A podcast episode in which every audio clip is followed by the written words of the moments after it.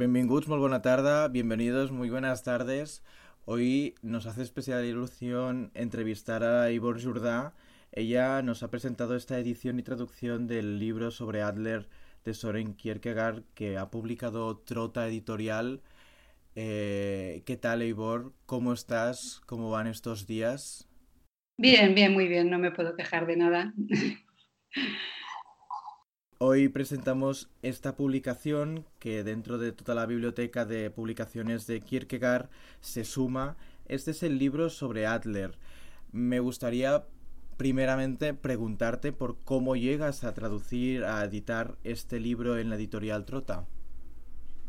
A ver, eh, eh, es un poco difícil de explicar, pero en resumidas cuentas, primero fue la traducción y luego fue la edición o el contacto con Trota. ¿vale? Yo tenía idea de traducir algún texto de Kierkegaard porque soy danesa, porque he estudiado filosofía y parece que todo el mundo me empujaba hacia ese, esa línea. Y busqué algo que no estuviera traducido, que queda poco, aunque siempre se pueden hacer retraducciones, etc. Y, bueno, me lancé, eh, me lancé a traducir el libro sobre Adler y, y luego ya vería dónde acabaría el texto. Y bueno, se lo presenté a Alejandro del Río de Trota, les gustó la versión o el estilo que yo le había dado al texto, que es algo distinto al de otro tipo de, traducciones de Kierkegaard. Y bueno, y finalmente pues me pidieron que hiciera también la edición, o sea que lo hice un poco al revés. Primero hice la traducción.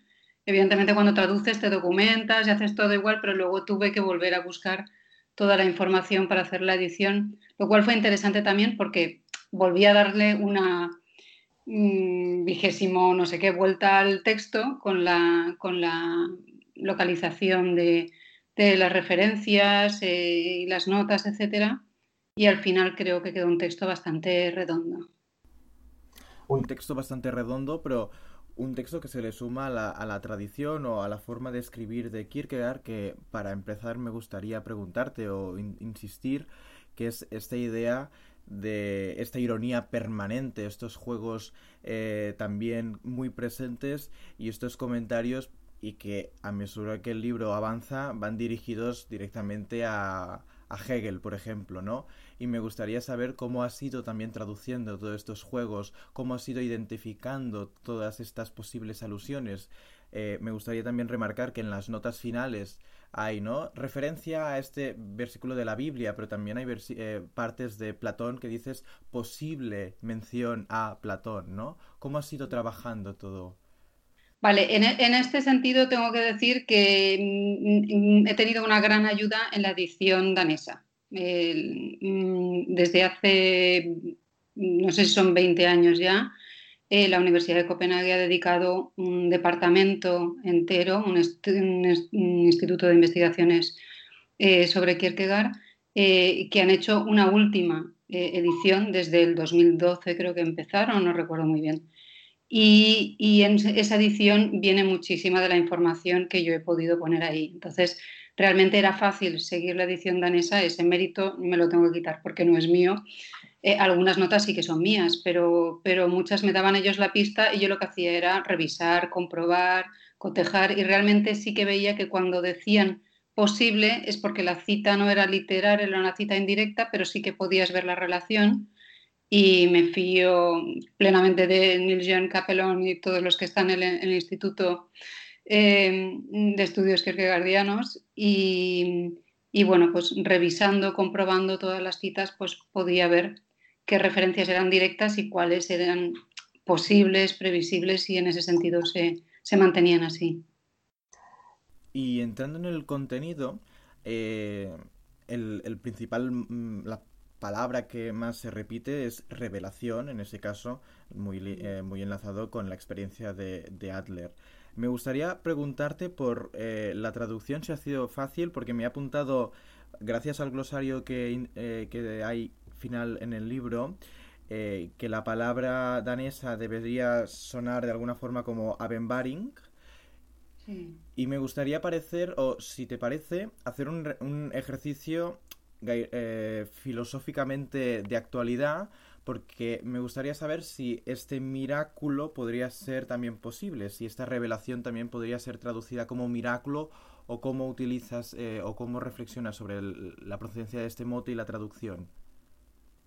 Sí, en, abstracto pondría tener eh, obviamente varias acepciones o apertura o algo así, pero en el contexto estaba muy claro que se refería a una revelación religiosa, cristiana, porque de hecho eh, Kierkegaard compara la revelación con la revelación de Cristo, etcétera. Entonces, eso es una palabra que, digamos, ya está muy acuñada en, de lo que es el dogma cristiano en español y no me podía salir tampoco de ahí. Hay otros términos que sí que me ofrecieron, la verdad es que eh, a nivel terminológico, en la traducción, ha habido como dos grupos de palabras que me han llevado más tiempo de reflexión que otras y unas eran em, palabras ya acuñadas en traducciones españolas em, que, bueno, pues en, su mayoría las he mantenido para el, lector habitual de Kierkegaard que entienda que me estoy refiriendo o Kierkegaard se está refiriendo a lo mismo. Eh, aunque, pues, por ejemplo, hay una, eh, la de Lewis and Schulze, que lo traduje como concepción de la vida, porque así aparecía en, creo que era no lo uno o lo otro, en la versión de Trota, pero yo lo hubiera traducido por visión o percepción de la vida, por ejemplo, ¿vale? Porque concepción es algo más racional, mientras que visión o percepción pues es algo más espontáneo, quiero decir, más... Eh, y, luego he visto en, otros textos que también se le había dado esa versión, pero no en, traducciones de Kierkegaard directamente. Entonces igual me arrepiento en parte de no haberme atrevido con ese concepto también, como igual con otros. Bueno, el de instante es más obvio, Øjeblik, eh, aunque es una pena porque Øjeblik en danés quiere decir parpadeo y es una palabra muy bonita para decir el instante o el momento. Eh, de hecho, yo traduciría Øjeblik por momento, pero instantes mucho más eh, breve y en el caso de Kierkegaard es, es, lo, es lo, que corresponde. Em, pero luego otras palabras, pues por ejemplo, de Almene, em, que normalmente se traduce por lo universal, ¿vale? La contraposición particular universal, eh, aparece mucho en este texto y no me cuadraba nada, o sea, no tenía ningún sentido si lo traducía como universal.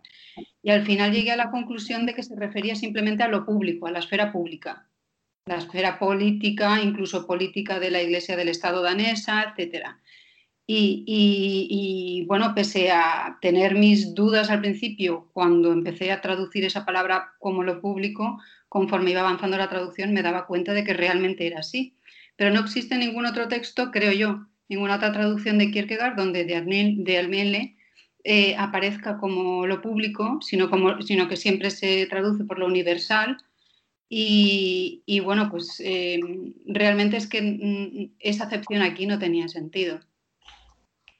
O alguna otra palabra, ya que estamos hablando de terminología, eh, la de contemporaneizar, que no sé si la has visto por ahí, te puede llamar la atención, eh, que incluso creo que lo consulté a Fundeu si podía se podía utilizar así en castellano, eh, porque en danés sí que es, una paráfrasis verbal, que sí que significa eso, pero la paráfrasis en español no la podía construir y tenía que dar ese sentido de, aunque yo sea un cristiano del siglo XXI, ser capaz de sentir lo mismo que sentía eh, un, contemporáneo de Cristo, que es lo que dice eh, Kierkegaard en el texto. Y bueno, introduje ese neologismo y algún otro más que a veces son necesarios en traducción y sobre todo en traducción de filosofía. Me gustaría insistir porque me gustaría también mm, saber qué, qué te parece o cómo podríamos ver eh, el seguido de traducciones al castellano de Kierkegaard. Ahora hablabas, ¿no? De, toda la traducción previa o las traducciones previas que hay en, Trota. También hay otras editoriales que han publicado traducciones.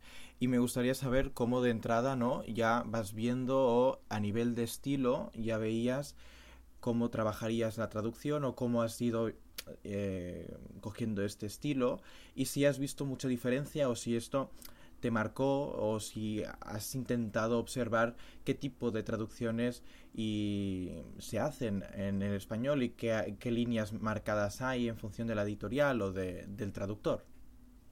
Vale. Pues la verdad es que sí que yo las traducciones que he leído de Kierkegaard en general, ¿eh? no todas, pero en general me han parecido mm, eh, muy apegadas al original, en el sentido de eh, mantener estructuras sintácticas, mm, mm, en muchos casos expresiones que son, podemos decir, que suenan naturales, son habituales en el danés, traducidas literalmente en castellano quedan forzadas. Eh, y bueno, como yo mm, tengo formación de filósofa, pero también de traductora, me he atrevido a alejarme un poco más de esa traducción. Eh, y en parte porque me di cuenta de que leyendo a Kierkegaard en el original, lo que ves es que él trataba de escribir de una manera muy directa, aunque tiene un, un lenguaje muy complicado. De hecho, tengo amigos o familiares daneses que me dicen, no sé cómo has traducido a Kierkegaard porque yo no lo entiendo, yo soy danés. ¿no? Eh, pues eh, tenía aquí algunas citas de Andersen que decía que era duro de leer, o Heiber que decía que era una prosa enrevesada y densa y tal. Lo lees y cuesta, pero no cuesta por las expresiones que utiliza, sino por lo que dice. Eh, el contenido es profundo, pero él trata de explicarlo utilizando expresiones que en muchos casos son muy coloquiales, incluso escatológicas. En el libro aparecen un par de expresiones de ese tipo Em, mm, porque le interesa conectar con, el lector.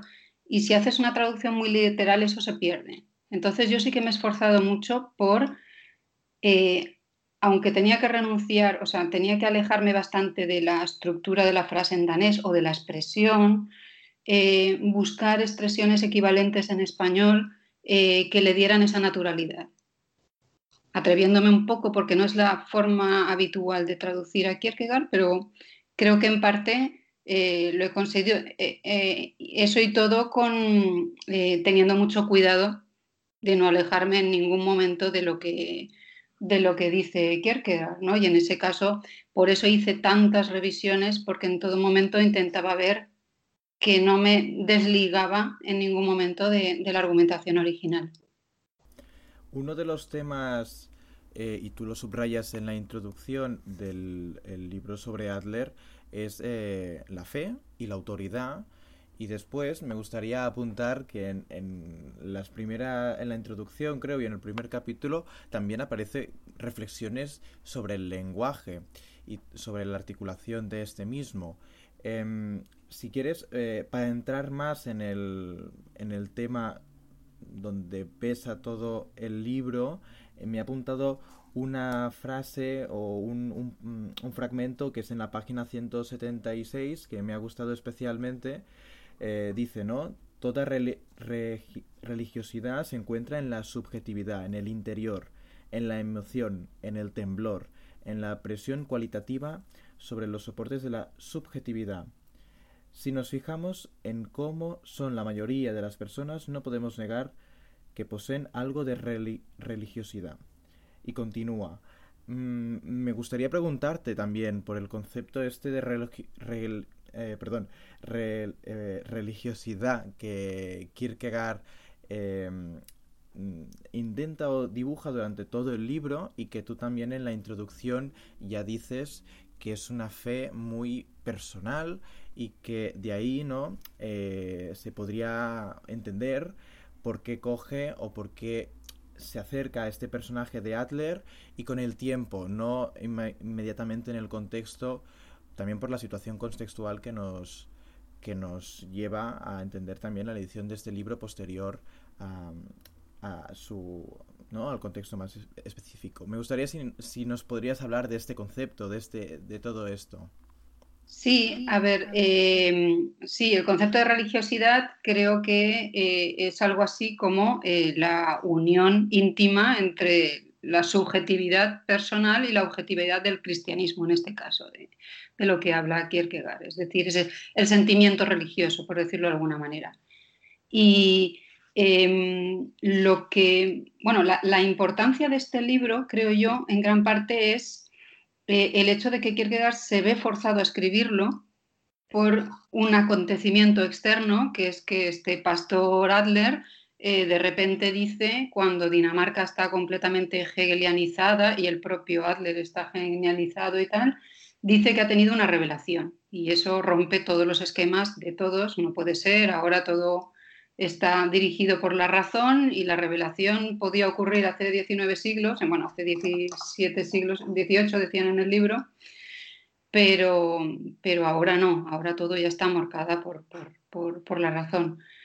Entonces, Kierkegaard ve ahí la oportunidad de, primero, tiene una cierta fe en que Adler realmente ha tenido una revelación y, plantea una renovación del cristianismo, esa contemporaneización de la que te hablaba antes, em, pero luego se lleva una desilusión, evidentemente, Kierkegaard, porque eh, Adler era hegeliano y después de esa supuesta revelación vuelve a ser hegeliano, hegelianiza su experiencia, empieza a racionalizarla, etcétera, y Kierkegaard dice que ahí se ha confundido y que probablemente lo que le sucedió en ese momento no fue que tuviera realmente una revelación, que tuviera una conexión con Dios o como queramos llamarlo, eh, sino que de repente descubrió lo que era ser cristiano.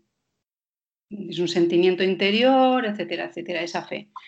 Eh, y qué es lo que falta en su, en su época. Y entonces eh, Kierkegaard lo que descubre es que Adler eh, es una muestra, un fenómeno de lo que está pasando realmente en, su época, un distanciamiento de esa esfera religiosa y, una, una, sociedad superficial en muchos aspectos, basada básicamente en la estética, que se queda en el fenómeno de la estética y, bueno, pues utiliza Adler como ejemplo, pero el libro le sirve al mismo tiempo para hacer un repaso de todas sus ideas, por eso también tiene su relevancia filosófica el texto, porque hace un repaso de todo, de la ironía, de, la, de la angustia, de las esferas, de la autoridad, la subjetividad, incluso hace una cierta matización de su concepto de subjetividad y nos dice, subjetividad no es cualquier cosa, para que exista una subjetividad real tiene que haber una conexión con la objetividad, en este caso cristiana, que es de la que está hablando él. Y, bueno, la crítica al hegelianismo, la crítica a la cristiandad de, su época, con lo cual es un libro que sirve como repaso a toda su filosofía. De hecho, es lo último que escribe de sus escritos filosóficos. Luego ya eh, prácticamente solo se dedica a discursos, eh, a discursos religiosos. Y, también la importancia del libro, eh, el por qué mm, aparentemente es tan, es tan relevante para entender la filosofía de Kierkegaard y al mismo tiempo sea tan poco conocido, se debe al hecho de que, eh, de que Kierkegaard cuando lo escribe em, empiezan a planteársele muchas dudas, que eso lo describo en, el, en, el, en la introducción porque son dudas que él las va relatando en sus diarios. No aparecen en el propio libro, pero sí que aparecen en sus diarios. Y, lo que viene a decirnos es que, en primer lugar, em, quiere explicar bien em, lo que su, interpretación del fenómeno de Adler, eh, pero al mismo tiempo no quiere em, perjudicar la imagen del profesor Adler, que ya ha sufrido bastante porque pues, sufre un juicio eclesiástico, es expulsado de la iglesia, etcétera, etcétera. Y entonces, por miedo a hacer daño a Adler, no lo publica, pero al mismo tiempo, a los pocos años, de hecho es un libro, este el libro de Adler, al que Kierkegaard está 10 años dándole vueltas. Es algo diferente. Otros libros los escribía, solía escribir mucho más rápido, con menos reflexión por medio, y en este sí que, sí que es un texto muy trabajado en ese sentido. Y em, em, al mismo tiempo, em, aunque no quiere editarlo porque tiene miedo a perjudicar a Adler, eh, al mismo tiempo Kierkegaard eh, considera que es relevante lo que ha escrito ahí y que debe ser público. Eh, y hace otra versión en un momento dado en la que evita referirse a Adler. Pero se da cuenta de que si lo hace así, el, el individuo extraordinario, que es como él describe a quien lo que debería ser una persona que ha tenido una experiencia religiosa del tipo que plantea una revelación, eh, si no menciona Adler, eh, se podía creer que era él mismo, que era Kierkegaard el que había tenido esa, esa revelación. Y él trata de, por supuesto, no, no, va a confundir al, público, él no ha tenido esa, esa, experiencia y tampoco quiere que se crea que, que, esa es su, su, postura. Entonces, por cuestiones meramente prácticas, diría yo, el libro acaba no publicándose se eh, publica de manera póstuma 17 años después de su muerte y pasa muy desapercibido a lo largo de la historia, eh, pero realmente es como un punto final de toda su obra filosófica, que es complicado de leer, también te habrás dado cuenta, porque es muy minucioso, describiendo todo el proceso del juicio eclesiástico de Adler, comentando los escritos de alegaciones que hace él. Em, hay, momentos del libro en el que dedica varias páginas a, comentar o comparar dos o tres frases que ha escrito en uno u otro lugar, eh, pero al mismo tiempo lo dice él en el propio libro, tengo que hacerlo así porque no se puede explicar de otra manera que no sea detalladamente para mostrar dónde está el error de Adler, ¿no? que es lo que él quiere mostrar ahí. Ahora lo decías, eh, ¿no? La idea de síntesis ideológica de todo el pensamiento de Kierkegaard, edición de Ivor Jourdá, trota el libro sobre Adler. Muchísimas gracias, Ivor. Eh, recomendamos ahora que aquí en Barcelona es San Jordi también los amantes de Kierkegaard, los amantes de la filosofía, que vayan inmediatamente a comprar este libro. Y para concluir la entrevista, me gustaría hacer una reflexión, un futurible, ¿no? Pero decir que este libro, por lo que decíamos de contemporaneizar, cuando he ido estos días en Barcelona en librerías, lo veía al lado de Chichek, lo veía al lado de autores ¿no? De, de una talla más contemporánea, pero no, vaya, tiene el sitio asegurado al lado de todos ellos. Además, eh, yo, vamos, cuando, lo he leído a nivel personal, le he sacado una lectura muy actual. Él critica mucho la sociedad de su época, que es una sociedad en crisis, eh, con todas las revoluciones del, del 48, etcétera. Y lo que él se plantea es, cuidado, cuidado, estamos prestando demasiada atención a la apariencia, al, habla mucho de los periódicos, de la gente que escribe sin pensar, sin reflexionar y que lo importante es eh, casi dice que te den el like, es que es que lo estás leyendo y es como si estuvieras leyendo una crítica a las redes sociales o a la manera de comunicarnos actualmente. Me sorprendía mucho la actualidad de ese tipo de, de, reflexiones y por eso considero que es muy actual realmente leerlo también. Pues ya lo saben, muy actual, muy, muy, una edición muy, muy, muy bonita como Tota nos acompaña siempre y repito, el libro sobre Ander, Trota Editorial. Muchísimas gracias ahora sí, Ivor, y que tengas una buena semana. Gracias, igualmente a vosotros. Hasta luego.